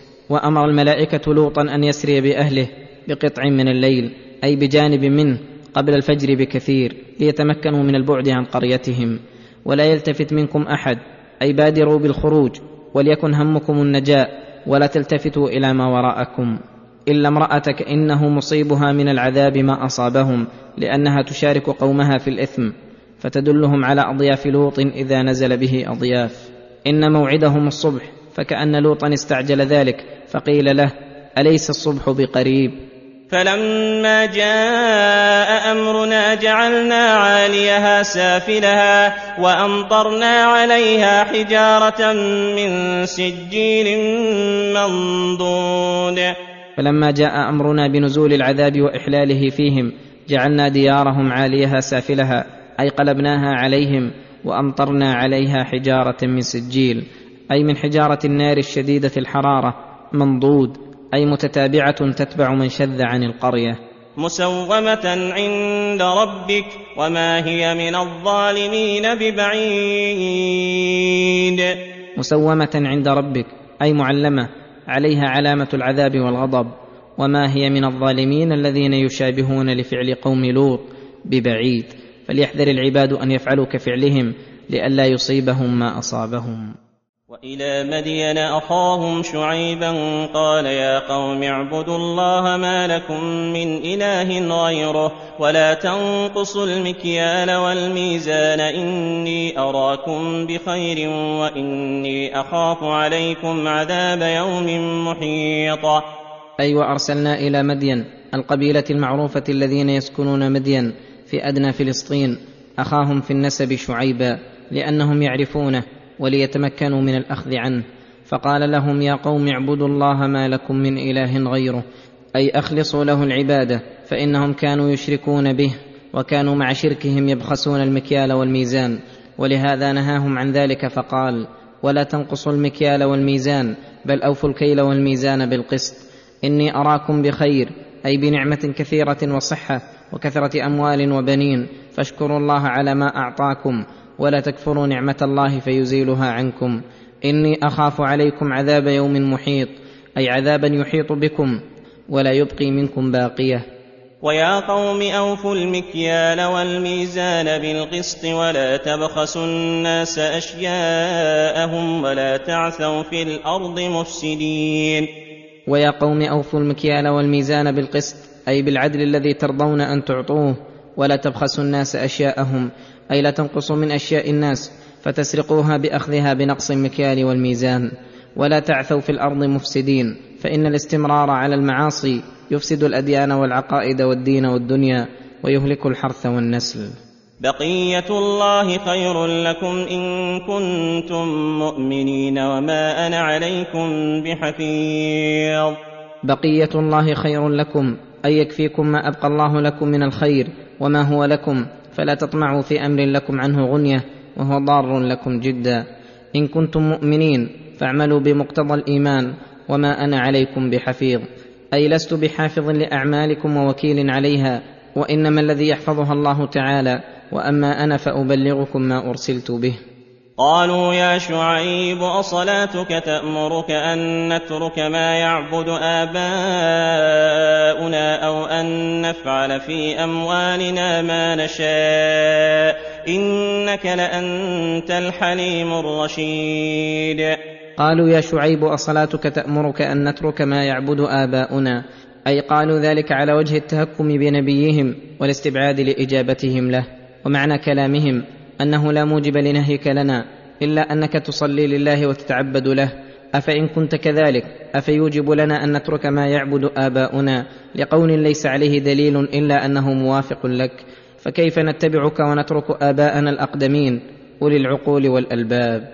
وكذلك لا يوجب قولك لنا أن تفعل في أموالنا ما قلت لنا من وفاء الكيل والميزان وأداء الحقوق الواجبة فيها بل لا نزال نفعل فيها ما شئنا لأنها أموالنا. فليس لك فيها تصرف. ولهذا قالوا في تهكمهم إنك لأنت الحليم الرشيد. أي إنك أنت الذي الحلم والوقار لك خلق والرشد لك سجية فلا يصدر عنك إلا رشد ولا تأمر إلا برشد ولا تنهى إلا عن غي. أي ليس الأمر كذلك. وقصدهم أنه موصوف بعكس هذين الوصفين بالسفه والغواية. أي أن المعنى كيف تكون أنت الحليم الرشيد وآباؤنا هم السفهاء الغاوون. وهذا القول الذي أخرجوه بصيغة التهكم وأن الأمر بعكسه ليس كما ظنوه بل الأمر كما قالوه. إن صلاته تأمره أن ينهاهم عما كان يعبد آباؤهم الضالون وأن يفعلوا في أموالهم ما يشاءون. فإن الصلاة تنهى عن الفحشاء والمنكر وأي فحشاء ومنكر أكبر من عبادة غير الله ومن منع حقوق عباد الله أو سرقتها بالمكاييل والموازين.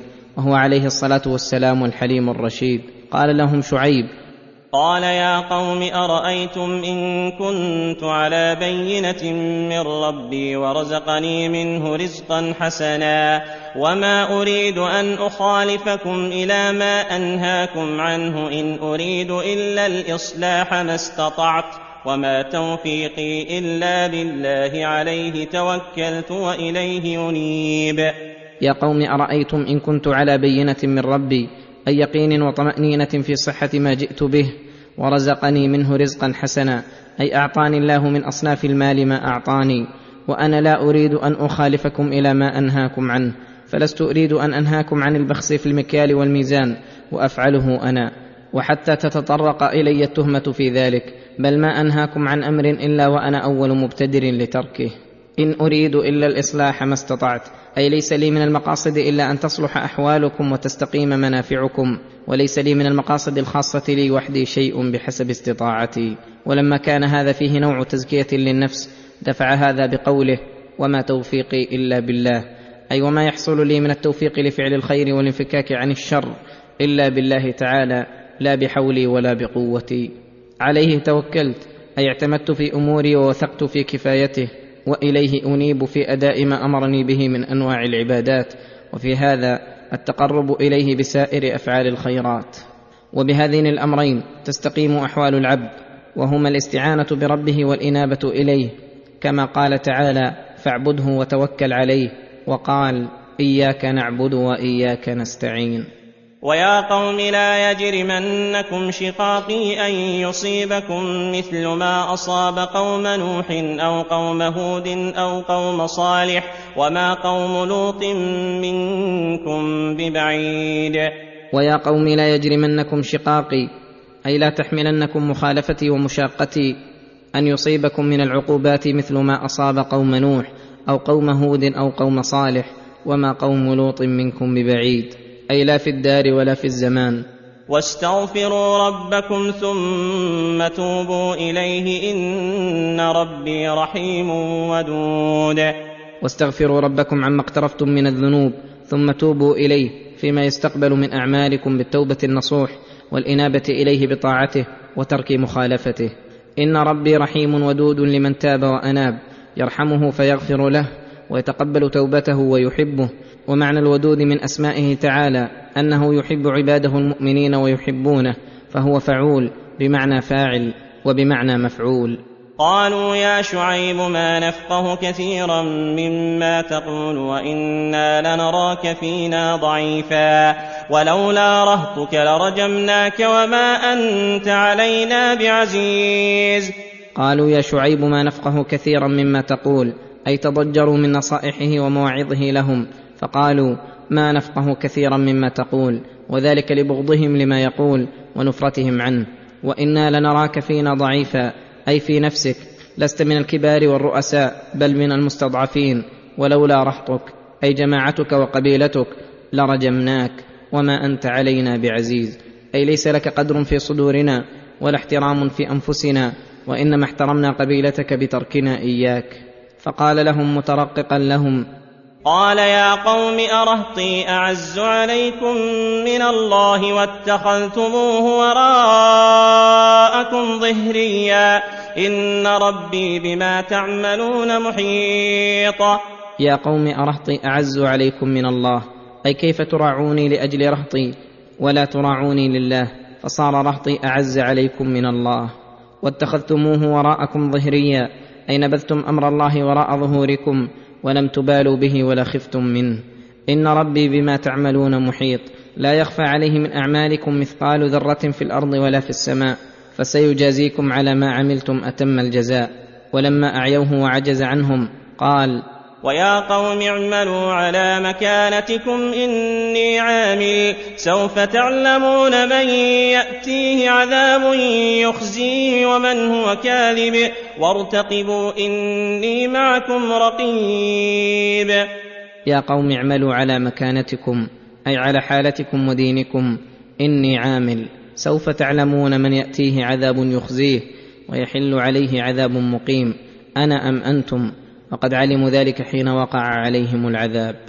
وارتقبوا ما يحل بي. إني معكم رقيب ما يحل بكم.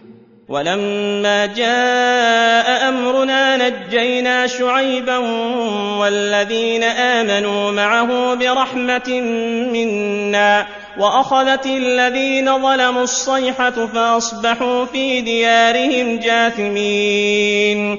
ولما جاء أمرنا بإهلاك قوم شعيب نجينا شعيبا والذين آمنوا معه برحمة منا وأخذت الذين ظلموا الصيحه فأصبحوا في ديارهم جاثمين.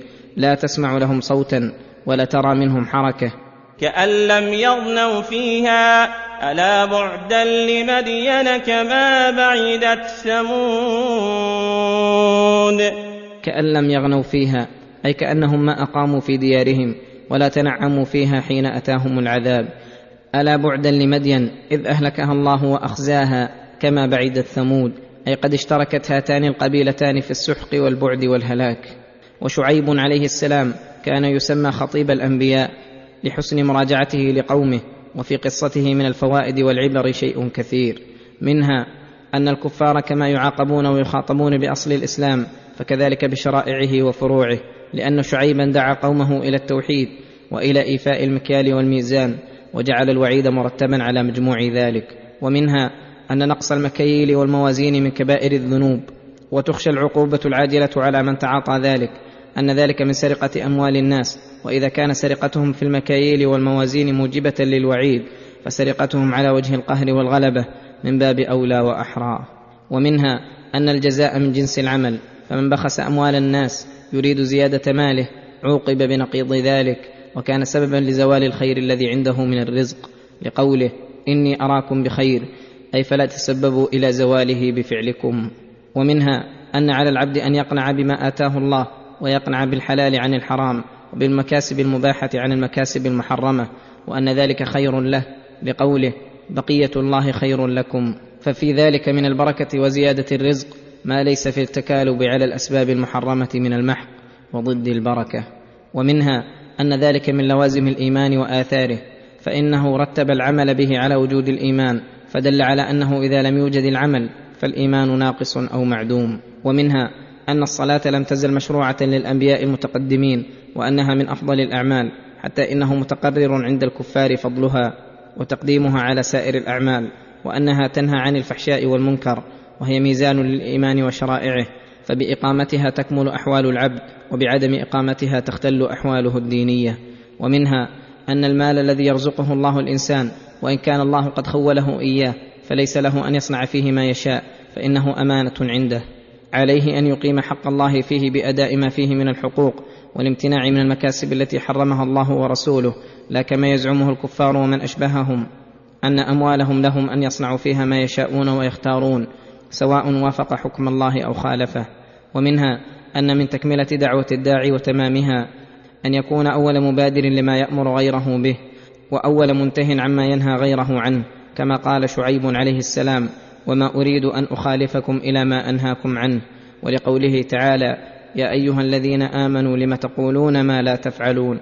كبر مقتا عند الله أن تقولوا ما لا تفعلون ومنها أن وظيفة الرسل وسنتهم وملتهم إرادة الإصلاح بحسب القدرة والإمكان فيأتون بتحصيل المصالح وتكميلها أو بتحصيل ما يقدر عليه منها وبدفع المفاسد وتقليلها ويراعون المصالح العامة على المصالح الخاصة.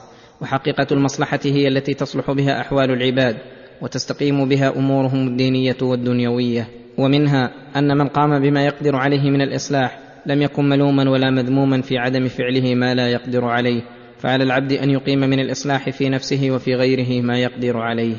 ومنها أن العبد ينبغي له أن لا يتكل على نفسه طرفة عين بل لا يزال مستعينا بربه متوكلا عليه سائلا له التوفيق.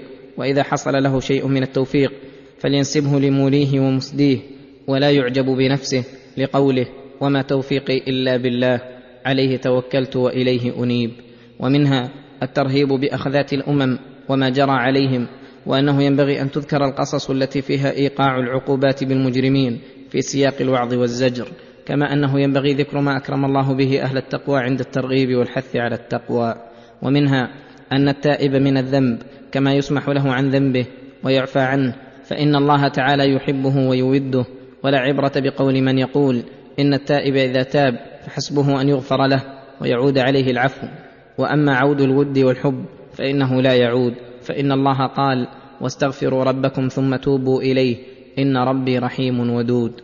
ومنها أن الله يدفع عن المؤمنين بأسباب كثيرة قد يعلمون بعضها وقد لا يعلمون شيئا منها وربما دفع عنهم بسبب قبيلتهم أو أهل وطنهم الكفار كما دفع الله عن شعيب رجم قومه بسبب رهطه وأن هذه الروابط التي يحصل بها الدفع عن الإسلام والمسلمين لا بأس بالسعي فيها بل ربما تعين ذلك. لأن الإصلاح مطلوب على حسب القدرة والإمكان. فعلى هذا لو ساعد المسلمون الذين تحت ولاية الكفار وعملوا على جعل الولاية جمهورية يتمكن فيها الأفراد والشعوب من حقوقهم الدينية والدنيوية لكان أولى من استسلامهم لدولة تقضي على حقوقهم الدينية والدنيوية وتحرص على إبادتها وجعلهم عملة وخدما لهم.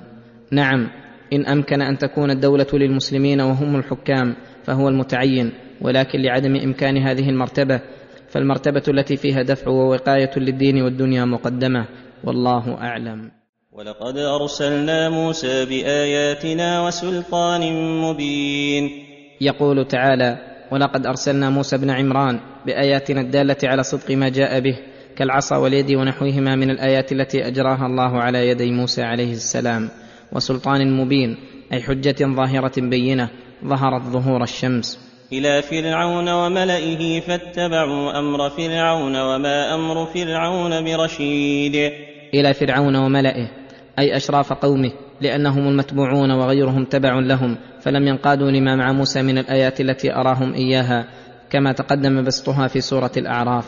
ولكنهم فاتبعوا أمر فرعون وما أمر فرعون برشيد بل هو ضال غاو لا يأمر إلا بما هو ضرر محض لا جرم لما اتبعه قومه أرداهم وأهلكهم. يقدم قومه يوم القيامة فأوردهم النار بئس الورد المورود. وأتبعوا في هذه لعنة ويوم القيامة بئس الرفت المرفود. وأتبعوا في هذه أي في الدنيا لعنة ويوم القيامة أي يلعنهم الله وملائكته والناس أجمعون في الدنيا والآخرة. بئس الرفد المرفود أي بئس ما اجتمع لهم. وترادف عليهم من عذاب الله ولعنة الدنيا والآخرة. ولما ذكر قصص هؤلاء الأمم مع رسلهم قال الله تعالى لرسوله ذلك من أنباء القرى نقصه عليك منها قائم وحصيد. ذلك من أنباء القرى نقصه عليك لتنذر به ويكون آية على رسالتك وموعظة وذكرى للمؤمنين. منها قائم لم يتلف بل بقي من آثار ديارهم ما يدل عليهم ومنها حصيد قد تهدمت مساكنهم واضمحلت منازلهم فلم يبق لها أثر. وما ظلمناهم ولكن ظلموا أنفسهم فما أغنت عنهم آلهتهم التي يدعون من دون الله من شيء لما جاء أمر ربك وما زادوهم غير تتبيب. وما ظلمناهم بأخذهم بأنواع العقوبات ولكن ظلموا أنفسهم بالشرك والكفر والعناد. فما أغنت عنهم آلهتهم التي يدعون من دون الله من شيء لما جاء أمر ربك. وهكذا كل من التجأ إلى غير الله لم ينفعه ذلك عند نزول الشدائد. وما زادوهم غير تتبيب أي خسار ودمار بالضد مما خطر ببالهم. وكذلك أخذ ربك إذا أخذ القرى وهي ظالمة إن أخذه أليم شديد. أن يقسمهم بالعذاب ويبيدهم ولا ينفعهم ما كانوا يدعون من دون الله من شيء. إن في ذلك لآية لمن خاف عذاب الآخرة. ذلك يوم مجموع له الناس وذلك يوم مشهود. إن في ذلك المذكور. من أخذه للظالمين بأنواع العقوبات لآية لمن خاف عذاب الآخرة. أي لعبرة ودليلا على أن أهل الظلم والإجرام لهم العقوبة الدنيوية والعقوبة الأخروية. ثم انتقل من هذا إلى وصف الآخرة فقال ذلك يوم مجموع له الناس. أي جمعوا لأجل ذلك اليوم للمجازاة وليظهر لهم من عظمة الله وسلطانه وعدله العظيم ما به يعرفونه حق المعرفة. وذلك يوم مشهود اي يشهده الله وملائكته وجميع المخلوقين. وما نؤخره الا لاجل معدود. وما نؤخره أي إتيان يوم القيامة إلا لأجل معدود. اذا انقضى أجل الدنيا وما قدر الله فيها من الخلق فحينئذ ينقلهم إلى الدار الأخرى ويجري عليهم أحكامه الجزائية كما أجرى عليهم في الدنيا أحكامه الشرعية. يوم يأتي لا تكلم نفس إلا بإذنه فمنهم شقي وسعيد. يوم يأتي ذلك اليوم ويجتمع الخلق لا تكلم نفس إلا بإذنه حتى الأنبياء والملائكة الكرام لا يشفعون إلا بإذنه فمنهم أي الخلق شقي وسعيد. فالأشقياء هم الذين كفروا بالله وكذبوا رسله وعصوا أمره والسعداء هم المؤمنون المتقون. وأما جزاؤهم فاما الذين شقوا ففي النار لهم فيها زفير وشهيق. فاما الذين شقوا أي حصلت لهم الشقاوة والخزي والفضيحة ففي النار منغمسون في عذابها مشتد عليهم عقابها. لهم فيها من شده ما هم فيه زفير وشهيق وهو اشنع الاصوات واقبحها. خالدين فيها ما دامت السماوات والأرض إلا ما شاء ربك إن ربك فعال لما يريد. خالدين فيها أي في النار التي هذا عذابها ما دامت السماوات والأرض إلا ما شاء ربك. أي خالدين فيها ابدا إلا المدة التي شاء الله الا يكونوا فيها. وذلك قبل دخولها كما قاله جمهور المفسرين. والاستثناء على هذا راجع إلى ما قبل دخولها فهم خالدون فيها جميع الأزمان سوى الزمن الذي قبل الدخول فيها. إن ربك فعال لما يريد فكل ما أراد فعله واقتضته حكمته فعله تبارك وتعالى لا يرده أحد عن مراده. وأما الذين سعدوا ففي الجنة خالدين فيها ما دامت السماوات. خالدين فيها ما دامت السماوات والأرض إلا ما شاء ربك عطاء غير مجذوذ. وأما الذين سعدوا أي حصلت لهم السعادة والفلاح والفوز ففي الجنة خالدين فيها ما دامت السماوات والأرض إلا ما شاء ربك. ثم أكد ذلك بقوله عطاء غير مجذوذ. أي ما أعطاهم الله من النعيم المقيم واللذة العالية فإنه دائم مستمر غير منقطع بوقت من الأوقات. نسأل الله الكريم من فضله. فلا تك في مرية مما يعبد هؤلاء ما يعبدون إلا كما يعبد آباؤهم من قبل وإنا لموفوهم نصيبهم غير منقوص. يقول تعالى لرسوله محمد صلى الله عليه وسلم فلا تك في مرية مما يعبد هؤلاء المشركون أي لا تشك في حالهم وان ما هم عليه باطل فليس لهم دليل شرعي ولا عقلي وإنما دليلهم وشبهتهم أنهم ما يعبدون إلا كما يعبد آباؤهم من قبل. ومن المعلوم أن هذا ليس بشبهة فضلا عن أن يكون دليلا لأن أقوال ما عدا الأنبياء يحتج لها لا يحتج بها. خصوصا أمثال هؤلاء الضالين الذين كثر خطأهم وفساد أقوالهم في أصول الدين. فإن أقوالهم وإن اتفقوا عليها فإنها خطأ وضلال. وإنا لموفوهم نصيبهم غير منقوص. وإنا لموفوهم نصيبهم غير منقوص. أي لا بد أن ينالهم نصيبهم من الدنيا مما كتب لهم. وإن كثر ذلك النصيب. أو راق في عينك. فإنه لا يدل على صلاح حالهم. فإن الله يعطي الدنيا من يحب ومن لا يحب ولا يعطي الإيمان والدين الصحيح إلا من يحب.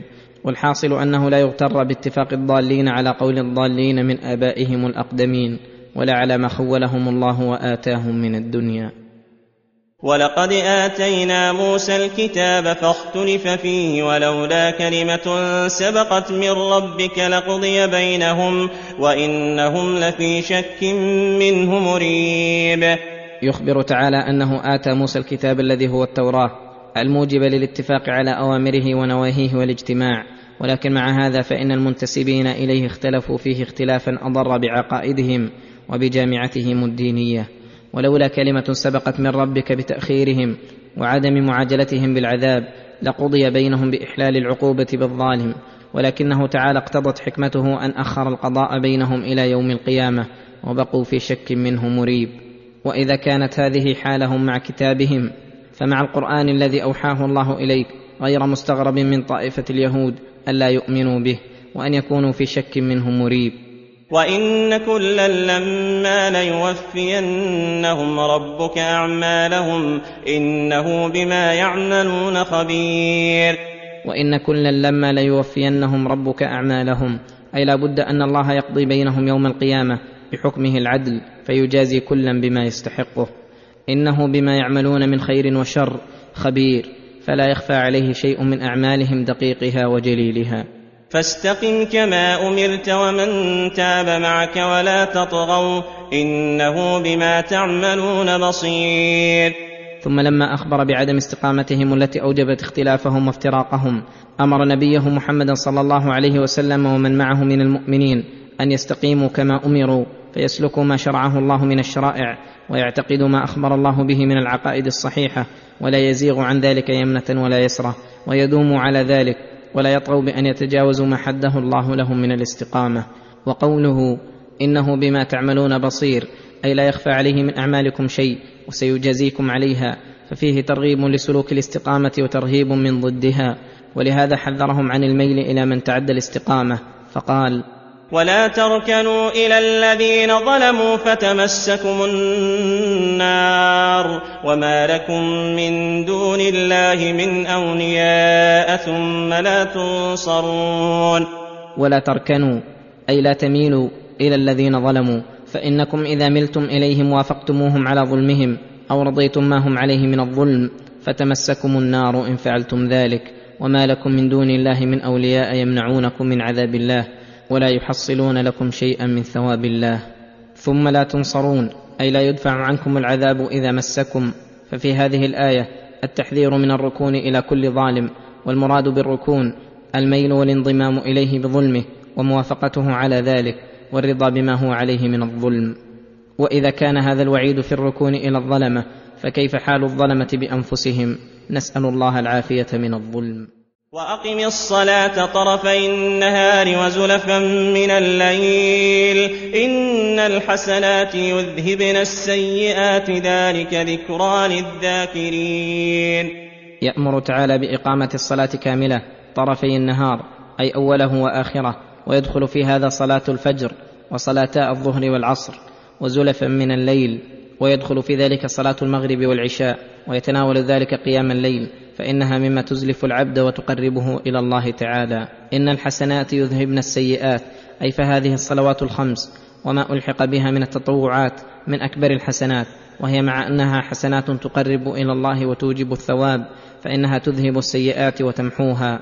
والمراد بذلك الصغائر كما قيدتها الأحاديث الصحيحة عن النبي صلى الله عليه وسلم مثل قوله الصلوات الخمس والجمعة إلى الجمعة ورمضان إلى رمضان مكفرات لما بينهن ما اجتنبت الكبائر. بل كما قيدتها الآية التي في سورة النساء وهي قوله تعالى إن تجتنبوا كبائر ما تنهون عنه نكفر عنكم سيئاتكم وندخلكم مدخلا كريما. ذلك لعل الإشارة لكل ما تقدم من لزوم الاستقامة على الصراط المستقيم وعدم مجاوزته وتعديه وعدم الركون إلى الذين ظلموا والأمر بإقامة الصلاة وبيان أن الحسنات يذهبن السيئات. الجميع ذكرى للذاكرين. يفهمون بها ما أمرهم الله به ونهاهم ويمتثلون لتلك الأوامر الحسنة المثمرة للخيرات الدافعة للشرور والسيئات ولكن تلك الأمور تحتاج إلى مجاهدة النفس والصبر عليها ولهذا قال واصبر فإن الله لا يضيع أجر المحسنين. واصبر أي احبس نفسك على طاعة الله وعن معصيته وإلزامها لذلك واستمر ولا تضجر. فإن الله لا يضيع أجر المحسنين بل يتقبل الله عنهم أحسن الذي عملوا ويجزيهم أجرهم بأحسن ما كانوا يعملون. وفي هذا ترغيب عظيم للزوم الصبر بتشويق النفس الضعيفة إلى ثواب الله كلما ونت وفترت. فلولا كان من القرون من قبلكم أولو بقية ينهون عن الفساد في الأرض إلا قليلا ممن أنجينا منهم واتبع الذين ظلموا ما أترفوا فيه وكانوا مجرمين. لما ذكر تعالى إهلاك الأمم المكذبة للرسل وأن أكثرهم منحرفون حتى أهل الكتب الإلهية وذلك كله يقضي على الأذيان بالذهاب والإضمحلال. ذكر أنه لولا أنه جعل في القرون الماضية بقايا من أهل الخير يدعون إلى الهدى وينهون عن الفساد والردى فحصل من نفعهم ما بقيت به الأديان ولكنهم قليلون جدا. وغاية الأمر أنهم نجوا باتباعهم المرسلين وقيامهم بما قاموا به من دينهم وبكون حجة الله أجراها على أيديهم ليهلك من هلك عن بينة ويحيى من حي عن بينة. ولكن اتبع الذين ظلموا ما أترفوا فيه أي اتبعوا ما هم فيه من النعيم والترف ولم يبغوا به بدلا وكانوا مجرمين أي ظالمين باتباعهم ما أترفوا فيه فلذلك حق عليهم العقاب واستأصلهم العذاب. وفي هذا حث لهذه الأمة أن يكون فيهم بقايا مصلحون لما أفسد الناس قائمون بدين الله يدعون من ضل إلى الهدى ويصبرون منهم على الأذى ويبصرونهم من العمى. وهذه الحالة أعلى حالة يرغب فيها الراغبون وصاحبها يكون إماما في الدين.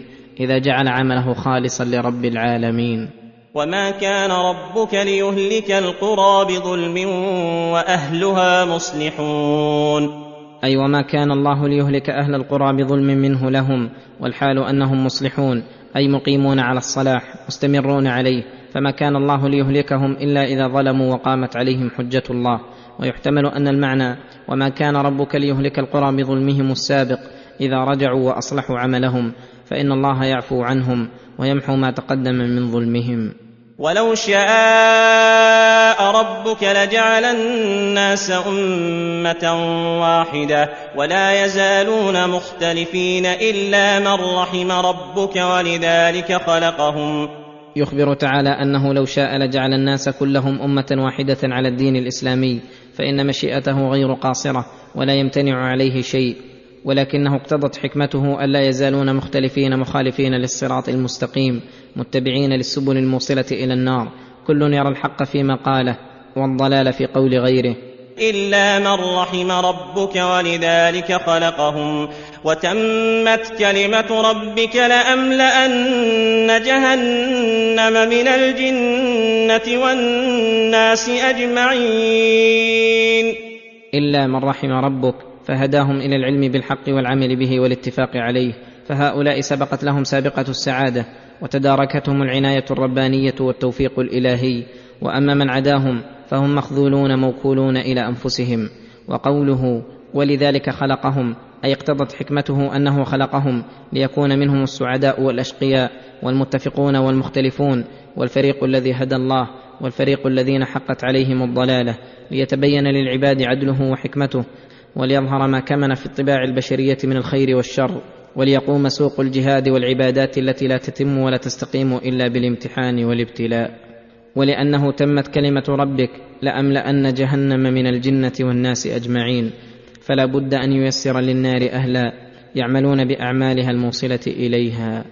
وكلا نقص عليك من انباء الرسل ما نثبت به فؤادك وجاءك في هذه الحق وموعظه وذكرى للمؤمنين. لما ذكر في هذه السورة من أخبار الأنبياء ما ذكر ذكر الحكمة في ذكر ذلك فقال وكلا نقص عليك من انباء الرسل ما نثبت به فؤادك أي قلبك ليطمئن ويثبت. ويصبر كما صبر أولو العزم من الرسل فإن النفوس تأنس بالاقتداء وتنشط على الأعمال وتريد المنافسة لغيرها ويتأيد الحق بذكر شواهده وكثرة من قام به. وجاءك في هذه السورة الحق اليقين فلا شك فيه بوجه من الوجوه فالعلم بذلك من العلم بالحق الذي هو أكبر فضائل النفوس. وموعظة وذكرى للمؤمنين اي يتعظون به فيرتدعون عن الأمور المكروهة ويتذكرون الأمور المحبوبة لله فيفعلونها. وأما من ليس من أهل الإيمان فلا تنفعهم المواعظ وأنواع التذكير. ولهذا قال وقل للذين لا يؤمنون اعملوا على مكانتكم إنا عاملون. وقل للذين لا يؤمنون بعدما قامت عليهم الآيات اعملوا على مكانتكم أي حالتكم التي أنتم عليها إنا عاملون على ما كنا عليه. وانتظروا إنا منتظرون. وانتظروا ما يحل بنا إنا منتظرون ما يحل بكم. وقد فصل الله بين الفريقين وأرى عباده نصره لعباده المؤمنين وقمعه لأعداء الله المكذبين. ولله غيب السماوات والأرض وإليه يرجع الأمر كله فاعبده وتوكل عليه وما ربك بغافل عما تعملون. ولله غيب السماوات والأرض أي ما غاب فيهما من الخفايا والأمور الغيبية وإليه يرجع الأمر كله من الأعمال والعمال فيميز الخبيث من الطيب. فاعبده وتوكل عليه أي قم بعبادته وهي جميع ما أمر الله به مما تقدر عليه وتوكل على الله في ذلك. وما ربك بغافل عما تعملون من الخير والشر بل قد أحاط علمه بذلك وجرى به قلمه وسيجري عليه حكمه وجزاؤه.